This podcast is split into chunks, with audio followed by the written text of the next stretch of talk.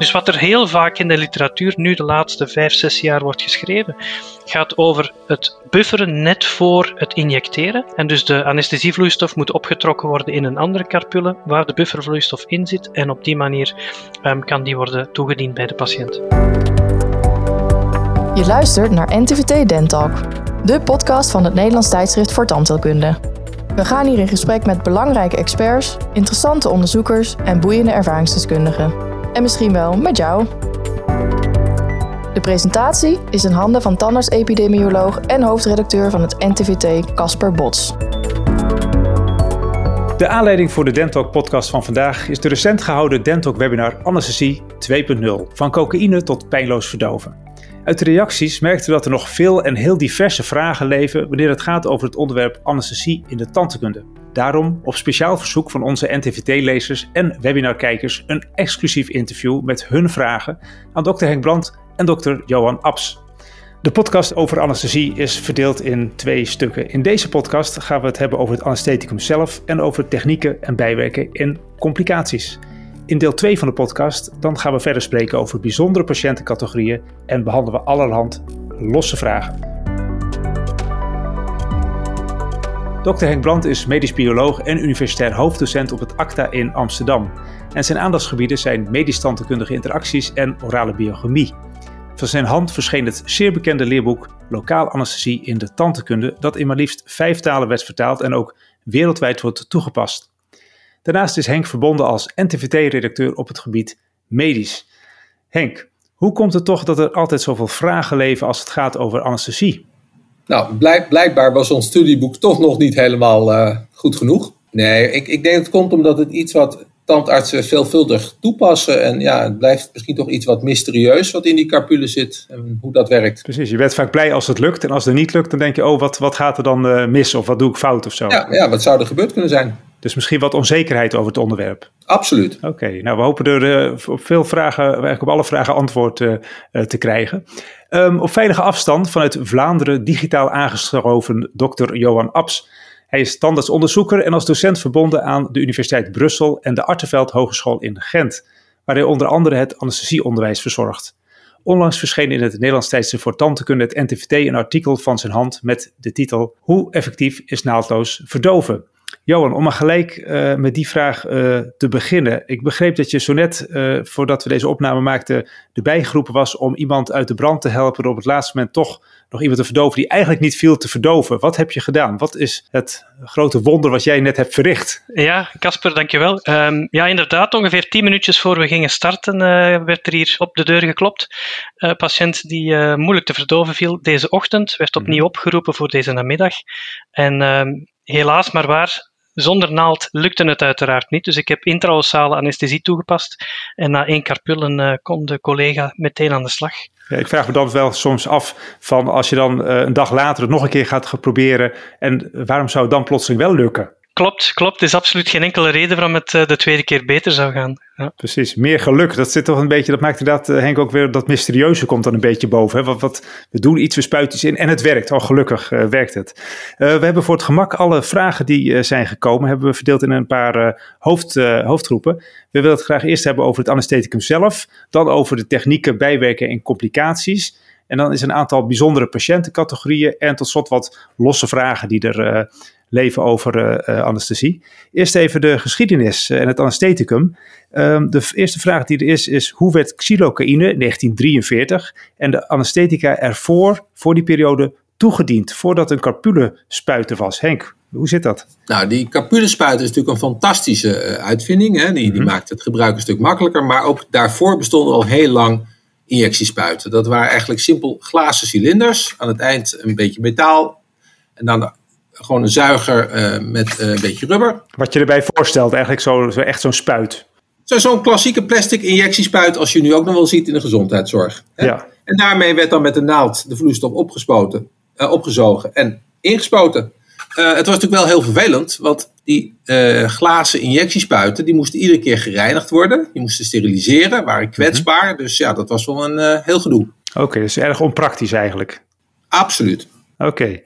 En hoe zit het met de werking van dat anestheticum? Uh, er zijn vaak ook verschillende bijwerkingen. Je hoort ook wel eens dat er bijwerkingen zijn van conserveermiddelen. Is dat ook de belangrijkste bijwerking van een anestheticum? Of is de, het conserveermiddel de belangrijkste oorzaak voor bijwerkingen? Conserveermiddelen zijn een, een bekende en, en, inderdaad relatief belangrijke uh, bron van bijwerkingen.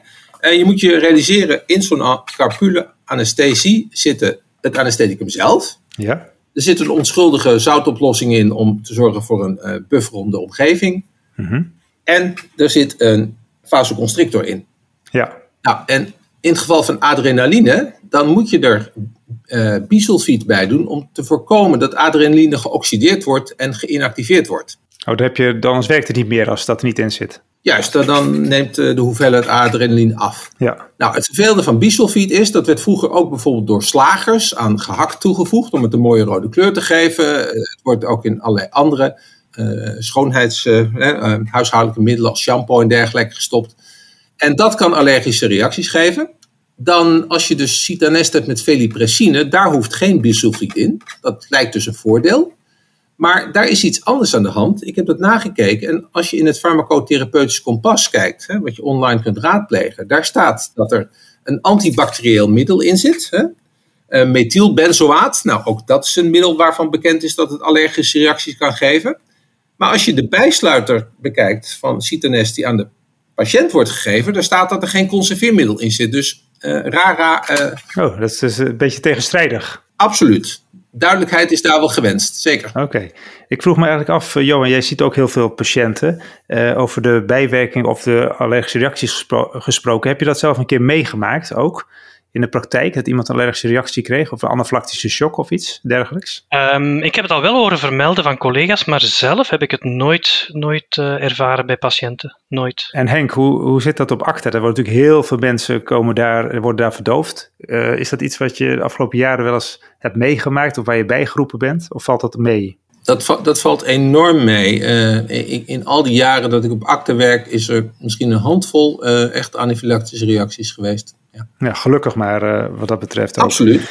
Henk, je zei net over die bestanddelen van het anestheticum. Dan noemde je ook al eventjes het buffer in het anestheticum. Dat is weer iets anders dan dat bisulfaat, ja. of niet? En waar is die buffer goed voor? Uh, die buffer is ervoor te zorgen dat je met behulp van een paar gewoon onschuldige zouten zorgt dat je de goede pH houdt in de oplossing. Oké, en, en uh, Johan, welke pH moeten we zo'n beetje hebben voor een goede werking uh, in het anestheticum? Uh, het belangrijkste is eigenlijk, Casper, dat, die, dat het anestheticum heel snel door de vetmembraan geraakt van het van de, van de zenuwcel. En op die manier um, spreken we tegenwoordig vaak over een, een, combinatie van buffervloeistof die gemengd wordt net voor het toedienen um, in de carpullen. Ja. Dus de fabrikant slaagt er niet in op dit moment, en, en ik denk dat Henk het heel, heel duidelijk heeft uitgelegd tot hiertoe, um, om in die carpullen een stabiele oplossing te krijgen die um, kan toegediend worden en die ook op die manier heel snel door de, de, de, de vetmembraan geraakt van de, van, de, van de zenuwcel. Dus wat er heel vaak in de literatuur nu de laatste vijf, zes jaar wordt geschreven, gaat over het bufferen net voor het injecteren. En dus de anesthesievloeistof moet opgetrokken worden in een andere carpulle waar de buffervloeistof in zit. En op die manier um, kan die worden toegediend bij de patiënt. Oké, er zijn dus wat gedachten uh, over Henk. Ik zie je ook uh, kijken, wat is jouw uh, gevoel bij deze, of gevoel, wat is jouw gedachte hierover? Want de buffer is dus heel belangrijk voor een goede toediening. En daar zijn dus misschien nieuwe technieken en mogelijkheden. Ja, ja maar je moet ook wel weer in ogenschouw nemen dat de enorme winst die geboekt is, is door, doordat carpules de toediening enorm vergemakkelijkt hebben. Ja. En als je inderdaad moet gaan mengen vlak voor toediening, eh, compliceert dat de procedure wel weer. Dus eh, ik begrijp deze, deze onderzoeken, maar ik, ik zie daar toch nog een beetje aarzeling voor om het op die manier. Uh, moet het uh, toe te dienen. Dan moet het wel heel makkelijk worden gemaakt om, om ook dat automatisch mengen vlak voor toediening. Oké, en dat zit dus, Johan, als ik goed begrijp, nog een beetje in de experimentele fase, in de um, onderzoeksfase. Ja, een klein beetje experimenteel, maar vooral in de Verenigde Staten wordt er heel veel met, uh, met die zaken geëxperimenteerd. Um, omdat zij daar denken van, oké, okay, als, het anesthesie, als uw anesthesie veel sneller werkt, dan kan ik meer patiënt, patiënten doen. En dus uh, time is money. En dat is het typisch Amerikaanse model. Dus vandaar dat zij oh. daar, uh, daar heel veel mee, mee experimenteren. Dan, dan, vraag ik me gelijk weer af, is er dan nu een probleem? Duurt het nu, die 20, 30 seconden, duurt dat nu te lang? Uh, volgens, volgens veel Amerikaanse tandartsen wel, ja, blijkbaar. Dan is het wel weer interessant om even, wat je vaak hoort van wat oudere patiënten, die dan aangeven dat ze vroeger altijd lang in de wachtkamer geparkeerd werden, voordat het werkte. Zat er dan een heel ander buffersysteem in, Henk, in die tijd? Nou, in de eerste plaats vind ik het een hele pijnlijke opmerking, omdat ik eh, vroeger als kind ook terug naar die wachtkamer werd gestuurd. Dus ik ben in één klap van die oudere patiënt gebombardeerd. Oh ja, ja. Uh, nee, ik, ik, ik, denk dat dat uh, niet eens heel veel zal uitgemaakt hebben, maar, maar ja, dat was de manier van werken. En tegenwoordig realiseren we ons dat eigenlijk de intreedtijd van een paar minuten reuze meevalt. Eh, en dat dat vaak veel praktischer kan. Maar... Ja, oké. nou, we wachten dat dus af hoe dat zich, uh, zich ontwikkelt. Ik had nog een vraag hier ook gekregen over de enzymen. Dat is een. Uh, die vraag luidt eigenlijk als volgt. Ik zou graag willen weten hoe het kan dat sommige mensen een bepaald enzym niet bezitten, waardoor ze articaïne niet kunnen afbreken. Dit zou voor een opstapeling kunnen zorgen. Hoe kunnen we hier achter komen en dit voorkomen? Henk, hoe, hoe zit het met het enzym en hoe heet dat enzym? Dat is een eh, hele goede vraag. Anesthesie moet, nadat het wordt toegediend, uiteindelijk ook weer uit het lichaam worden verwijderd. En dat vindt voor een groot deel plaats door het afbreken door enzymen. In het, dit geval gaat het om het enzym cholinesterase. Oké. Dat is van belang voor de afbraak van articaïne. En nu mhm. is het zo dat ongeveer 1 op de 2500 Nederlanders heeft door een genetisch defect, kunnen ze dat enzym niet maken. Oh, dus dat breekt zich nooit af? Dat dan breekt dus dan... No, nooit is wat overdreven, maar Aha het is enorm vertraagd. Oké. Nou, betekent wel dus dat het niet gewenst is om bij die mensen articaïne als anesthesie toe te dienen. En, en hoe weet je nou of je dat dan hebt? of dat je het niet hebt? Nou, dat is inderdaad een probleem. Uh, het is mogelijk om door onderzoek, uh, bijvoorbeeld uh, bepaalde laboratoriumtesten of genetisch onderzoek, kun je vaststellen of mensen inderdaad aan dit genetisch defect lijden. Het vervelende alleen is dat het natuurlijk een vrij zeldzame aandoening is en dat het ja, niet echt kosteneffectief is om de hele Nederlandse bevolking te gaan screenen, om die mensen die dit defect hebben te gaan identificeren. Wat wel belangrijk is, is als mensen weten dat je iemand bijvoorbeeld in de familie hebt die dit heeft, hè, het is een erfelijke aandoening, hè, ja, dan is de kans dat jij het hebt ook groter. Dus dan is testen zinniger. En ook als mensen in het verleden heel vreemd gereageerd hebben, een overdreven hevige reactie hebben gehad op artikine, dan lijkt het me ook heel zinvol om je erop te laten testen stel dat een patiënt, dat gebeurt wel eens, hè, dat je patiënt een paar weken later weer ziet en zei, nou, de anesthesie die bleef wel tot de dag daarna, uh, bleef, die, uh, bleef die zitten voordat die uitgewerkt was. Zou het dan zo kunnen zijn dat iemand een probleem heeft op dit gebied? Of zou je dat dan nog een keer moeten herhalen? Of zou je dan volgende keer eens met uh, iets anders moeten proberen? Ik, ik denk dat dit een mogelijke reden zou kunnen zijn, maar wellicht dat Johan ook nog andere reden heeft waardoor anesthesie veel langer kan werken? Um, ja, ik denk in de, eerste, in eerste instantie aan de anatomie van de patiënt. Uh, we weten ondertussen uit heel veel uh, onderzoek, um, vooral uit de radiologische uh, kant, dat er heel veel patiënten zijn die een afwijkend, of wat wij dan noemen een afwijkend anatomisch verloop hebben van bepaalde zenuwen. Dus uh, okay. dat zou eventueel een reden kunnen zijn. Maar ik denk wat uh, Henk daar, daarnet aanhaalde, uh, choline esterase is misschien wel, wel de meest ehm, deftige uitleg waarom anesthesie soms wat langer uh, aanhoudt. Het is wel, wel grappig natuurlijk, want de patiënt denkt vaak dat het dan door de tandarts komt, die verdoofd heeft. En de tandarts denkt natuurlijk van, oh, het ligt aan de patiënt. Het is of het enzym of het is het anatomisch verloop. We zullen het nooit echt weten waarschijnlijk. Ja, klopt. Uh, Johan, hadden ook vragen binnengekregen over de, de temperatuur. Er is wat discussie over de, volgens mij over de temperatuur van anesthesie en uh, uh, wanneer dat dan zou leiden tot minder gevoeligheid bij injecteren of meer eh, gevoeligheid. Uh, de vragen die er zijn van, zou ik de anesthesie in de koelkast moeten bewaren, waardoor het dan minder pijnlijk is. Uh, hoe, hoe zit dat met de temperatuur van het anestheticum? Nu, er zijn een aantal studies bekend over de temperatuur. Um, en sommige studies hebben zich toegespitst op uh, hoe aangenaam is het voor de patiënt als het anestheticum wordt toegediend op kamertemperatuur of als het wordt toegediend op uh, lichaamstemperatuur. Maar er zijn ook studies die gekeken hebben naar als we het, het, het anestheticum afkoelen en, en ze koelden af tot, tot 4 graden Celsius, dan bleek het anestheticum ook veel langer te werken. Dus de, de meningen zijn een beetje uiteenlopend. Um, sommige studies fixeren zich op uh, comfort van de patiënt. En ik denk, als kindertandarts zijnde, denk ik dat het een hele, een hele goede uh, manier is om, om aan onderzoek te doen. Ehm, langs de andere kant uh, is er ook zoiets van, ja, hoe lang wil je dat je anestheticum werkt? En ik denk persoonlijk, het afkoelen van het anestheticum om het langer te doen werken, heeft waarschijnlijk te maken met het feit dat je uh, vasoconstrictie nog iets sterker maakt door aan 4 graden Celsius te gaan injecteren. Die studies hebben het absoluut niet over het comfort van de patiënt. Dus uh, wees daar heel duidelijk in. Oké. Okay. Nu herinner ik me, Henk, van het webinar dat jij onlangs volgens mij een wortelkanaalbehandeling hebt ondergaan. en dan mijn vraag aan jou: zou je dat willen dat het anestheticum gekoeld wordt, zodat je lekker lang rustig verdoofd kan liggen? Of zou je liever het anestheticum op kamertemperatuur willen ontvangen in je lichaam? Nou, het belangrijkste vond ik dat het heel, uh, heel goed was. En daar, daar, datgene die mij verdoofd heeft, uh, met één ampul articaïne, dat zodanig heeft gedaan dat de hele sessie, en die duurt als je behandeld wordt door een student nu helemaal wat langer, ik de hele sessie pijnvrij heb kunnen ondergaan. Dus ja, ja. Ik, uh, ik denk dat dat het allerbelangrijkste is, de werkingsduur. Oké, nou, duidelijke keuze. um, wel even gaan naar de, de vragen die zijn gekomen over technieken, bijwerkingen, complicaties. Uh, en eerst even over een uh, techniek, Johan, de techniek van intraossale anesthesie. We hebben natuurlijk intraossale anesthesie. We hebben uh, bijvoorbeeld, we, zometeen gaan het ook nog even hebben over het mandibulair blok. Maar eerst die intraossale anesthesie. Hoe kan je nou stapsgewijs dat, dat doen? Hoe heb je dat zo net gedaan toen je even snel uh, naar die patiënt uh, toe moest? Ja, inderdaad. Nee, in eerste instantie moet je het periosteum verdoven. Wat betekent dat je een paar druppeltjes anesthesievloeistof in de interdentale papil injecteert. Waardoor dat die interdentale papil redelijk bleek wordt. En dan weet je zo na ongeveer 5 à 10 seconden dat het, dat het periosteum daar wel verdoofd is. De reden waarom je het periosteum moet verdoven is omdat je vervolgens contact gaat maken met de naald met het, het corticale bot. En dus je gaat het periosteum gaan aanraken. Even nog een vraag, Johan. Ga je dan approximaal ga je dus dat verdoven? Ga je dan met je naald eerst helemaal er doorheen en trek je dan een beetje terug? Of moet je echt met hoge druk uh, echt uh, bij de vezels? Oh nee, nee, totaal geen druk. De patiënt weet absoluut niet wat er aan de hand is op dat moment. Um, je gaat onder een hoek van 15 graden ga je de naald in contact brengen met, uh, met, het, met de papilla. Dus je komt meestal ja. ongeveer parallel met de cervix van de tand ga je de papilla benaderen.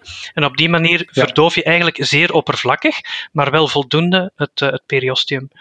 En, um, en eens het periost is verdoofd, kan je, kan je vervolgens verder gaan. Nu, ik gebruik een, een apparaatje dat uh, door Dental Hightech is ontwikkeld en dat heet de Quicksleeper.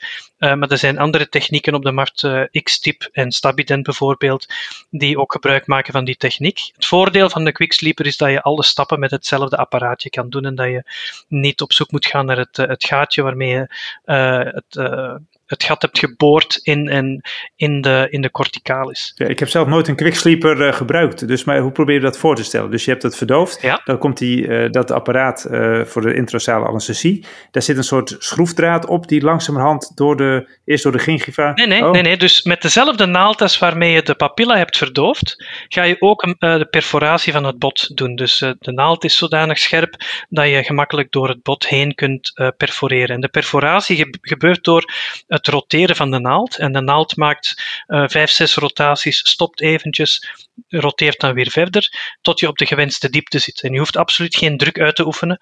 Um, het is alleen zo dat je de juiste hoek uh, moet weten onder de welke je uh, die, die, die, die locatie gaat benaderen. Oké, okay, dus dan is eigenlijk, maar is dan zo'n zo'n naald, heeft hij dan heel, ik heb wel eens van die naalden onder de microscoop uh, gezien, uh, bij reclames of in een, in een leerboek. Uh, ik denk Henk dat bij jou ook naalden in staan.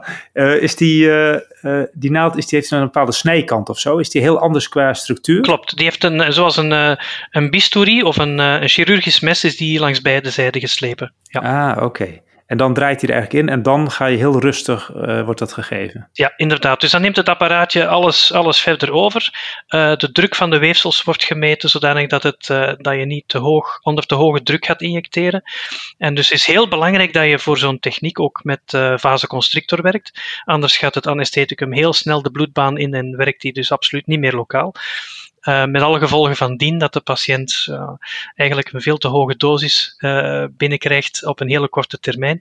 Dus het is heel belangrijk dat die vasoconstrictor daar zit, omwille van twee redenen: systemische toxiciteit en tegelijkertijd um, om het lokale anestheticum wel degelijk lokaal te houden. Oké, dan vraag ik me ook af van wanneer is er dan geen indicatie om dit te doen? Zijn die er ook of is er altijd indicatie? Voor mijn part is er altijd, is er altijd plaats voor intraossale anesthesie, omdat het veel comfortabeler is voor de patiënt. Het hangt natuurlijk ook af van de ingreep die je wenst te doen. Als je veel chirurgische activiteiten plant uh, met het insnijden van de gingiva, noem maar op, dan ga je uiteraard nog uh, aangehechte gingiva en, en, en, losse gingiva moeten, en misschien ook mucosa moeten gaan bijverdoven. Maar in essentie is het heel, heel handig om uh, te verdoven, omdat je op die manier manier parodontaal ligament, pulpa en aangehechte gingiva met één injectie volledig verdoofd hebt. Oké, interessant. Is de, nou, ik uh, ga er nog eens naar kijken. Misschien ook meer mensen van of dat een. Uh, ik kan me voorstellen dat het een waardevolle bijdrage kan leveren in het dagelijkse praktijk, om dat ook erbij de hand te hebben in de gereedschapskist, zeg maar. Um, even wat vragen over het mandibulair blok. Henk, um, heeft dopamine ook een negatieve invloed op het niet goed zitten van anesthesie. Er wordt namelijk over geschreven in het boek Prikkels bijten niet voor hoogsensitieve personen. Dopamine. Hoe zit het met dopamine en het niet goed zitten? Nou, ik, ik weet niks van hoogsensitieve personen. Dus, uh, maar uh, kijk, uh, het is natuurlijk wel belangrijk te beseffen dat dopamine is een neurotransmitter. Hè, een, een boodschappenmolecuul in het zenuwstelsel. En we zijn nu net met anesthesie ook de, signaaloverdracht in het zenuwstelsel aan het beïnvloeden. Nou, ik heb wel eens artikelen gelezen dat dopamine bij algehele anesthesie met, inhalatieanesthesie, hè, dus dat is van die ingeademde anesthesie die ze in ziekenhuizen gebruiken voor langdurige algehele anesthesie, dat dopamine inderdaad die anesthesie verkort. En ik kan me dus voorstellen dat tandheelkundig mogelijk een soortzelfde effect zou zijn.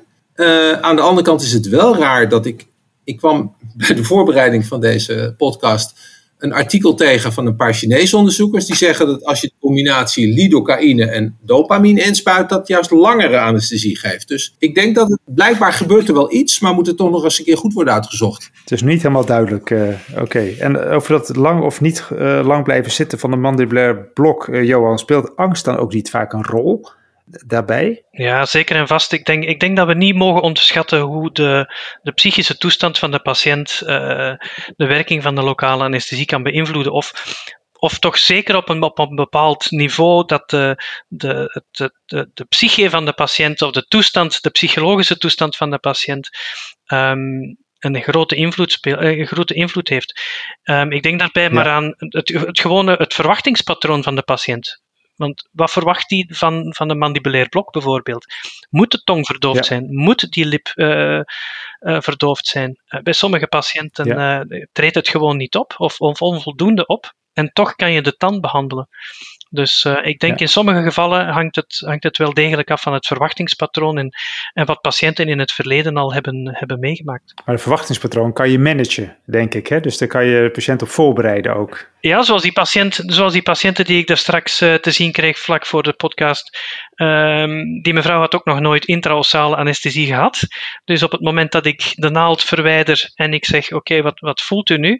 Vraagt de behandelende tandarts is, is jouw wang verdoofd? Waarop ik onmiddellijk zeg van, ja, bij deze techniek gaat de wang niet verdoofd zijn. Dus ik vertelde ook aan de mevrouw, ja. als u de tanden op elkaar zet, moet je het gevoel hebben alsof die bovenste tand, of bovenste tanden, groter geworden zijn, alsof je tanden niet meer op elkaar passen bij occlusie. En ze beaamde dat ook ja. onmiddellijk. En ja, dus uh, het was onmiddellijk verdoofd. Ja. ja. Ja, en wordt nu op dit moment behandeld. Dat is toch mooi. Ja. Nog wat uh, dingen over het mandibulair uh, blok. Uh, onlangs, de vraag is, onlangs heb ik bij het geven van een mandibulair blok de nervus lingualis geraakt. Na drie maanden is helaas de tong nog steeds verdoofd. Heel vervelend natuurlijk. Ehm, de vraag is, hoe had ik deze vervelende complicatie kunnen voorkomen, Johan? Wat, wat, wat is er misgegaan? Of ja, hoort dit er gewoon bij? Ja, ik, um, ik neem aan dat de collega die deze vraag heeft gesteld geen chirurgische ingreep heeft uh, uitgevoerd op de patiënt. Want vaak is het zo dat de nervus lingualis per ongeluk wordt uh, doorgesneden of beschadigd door, uh, door een instrument. Um, ik, heb, uh, ik heb ooit verhalen gehoord van, van chirurgen die, die wel eens hadden meegemaakt dat de nervus lingualis werd um, doorgesneden tijdens het, tijdens het maken van een flap of bij het hevelen van een tand en, en dat de hevel uitschoot en, en op die manier de nervus heeft beschadigd. Ik kan me heel moeilijk inbeelden ja. dat de naald in staat is om heel die nervus door te snijden. Um, maar het is wel mogelijk om uh, bij injectie ehm, de naald uh, scheer, scheerlings langs de nervus te laten passeren, waardoor dat die inderdaad wel beschadigd is. En, en afhankelijk van het, de, de grootte van de beschadiging en de ernst van de beschadiging zal het uh, al dan niet blijvend zijn voor die patiënt, helaas. Maar ik denk, ik denk niet dat de patiënt, dat, ik denk niet dat de tandarts zich, zich, uh, zich schuldig moet voelen aan iets. Het gebeurt gewoon. Ja, ik, ik herinner me, uh, Henk, dat er ook onderzoek gedaan is volgens mij naar hoe vaak deze complicatie voorkomt. Heb je daar iets over paraat? Nee, daar heb ik iets over paraat. Ik wou alleen zeggen dat het inderdaad belangrijk is dat de, van de tandarts goed nadenkt over, over de, de, de hoek van de beffel uh, tijdens toediening. Ja, dat je dat controleert en anders dan, dan is het helaas uh, heel erg pech. Ja, en dan uh, hopen dat het in de loop van de tijd uh, beter mag gaan. Nee, ik, ik, ik, heb daar geen parate cijfers over, maar het gaat echt om een hele zeldzame complicatie. Het is uiteraard natuurlijk wel buitengewoon vervelend voor de betrokken patiënt. Het is ook heel vervelend voor de tandarts die het gebeurt, want die heeft het niet gewild. Nee. Um, een vraag van een andere collega die zegt: Ik heb enkele patiënten gehad waarbij de verdoving erg lang, meer dan 6 tot 8 uur werkzaam bleef. Wat is de verklaring? We hadden het net al heel eventjes over gehad, maar um, Johan, ik denk dat deze vraag voor jou is. Ja, ik, uh, ik heb de, geen andere uitleg voor dan, dan anatomie, maar zoals Henk daarnet al, daar, daarnet al zei over cholinesterase, ja, misschien heeft het daarmee te maken, maar in de vraagstelling lezen we ook niet welk, uh, welk anestheticum de collega heeft gebruikt. Heeft hij articaïne gebruikt, ja. mepivacaïne, lidocaïne? Um, ik denk, dat is toch een belangrijk, een belangrijk gegeven in deze vraag. Maar het, het kan dus gewoon voorkomen dat bijvoorbeeld uh, door vasoconstrictie of zo iets heel lang aanhoudt en dan uiteindelijk toch weer wegtrekt. Ja, klopt, klopt. Niet elke patiënt reageert op, de, op dezelfde manier, uiteraard. Dat nog een hele, uh, ja, ik wil zeggen leuke complicatie, maar het is natuurlijk nooit leuk met een complicatie. Uh, een opvallende complicatie dan. een patiënt uh, waarbij na mandibulair blok een uitval was in de arm en het voorhoofd. ik heb zelf wel eens gehad dat de patiënt achter het oor verdoofd voelde. Um, dat, dat, maar is dit pech of komt dit vaker voor of waar ligt het aan? Ik denk in eerste instantie weer aan anatomie. In de meeste anatomieboeken staat uh, altijd beschreven waar de zenuwen netjes verlopen, maar dat blijkt dus in realiteit niet altijd zo het geval te zijn. En hoe meer beeldmateriaal we verzamelen via MRI en uh, CT en Combeam CT, ontdekken we steeds meer en meer varianten. Dus ik denk uh, in dit geval de uitleg is anatomie. Precies, dus, als het, dus het is vaak de anatomie. Dus het ligt dan toch, als je technisch alles goed doet, uh, Henk, met de beffel en het anestheticum, ligt er dan toch vaak aan de patiënt.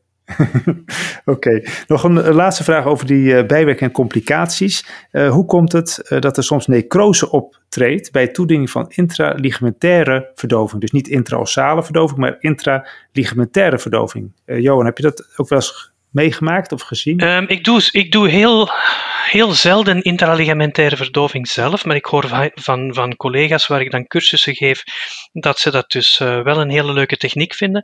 Um, in eerste instantie denk ik dat het te maken heeft dat je te veel vloeistof in de papilla uh, hebt geïnjecteerd met een te hoge concentratie aan vasoconstrictor.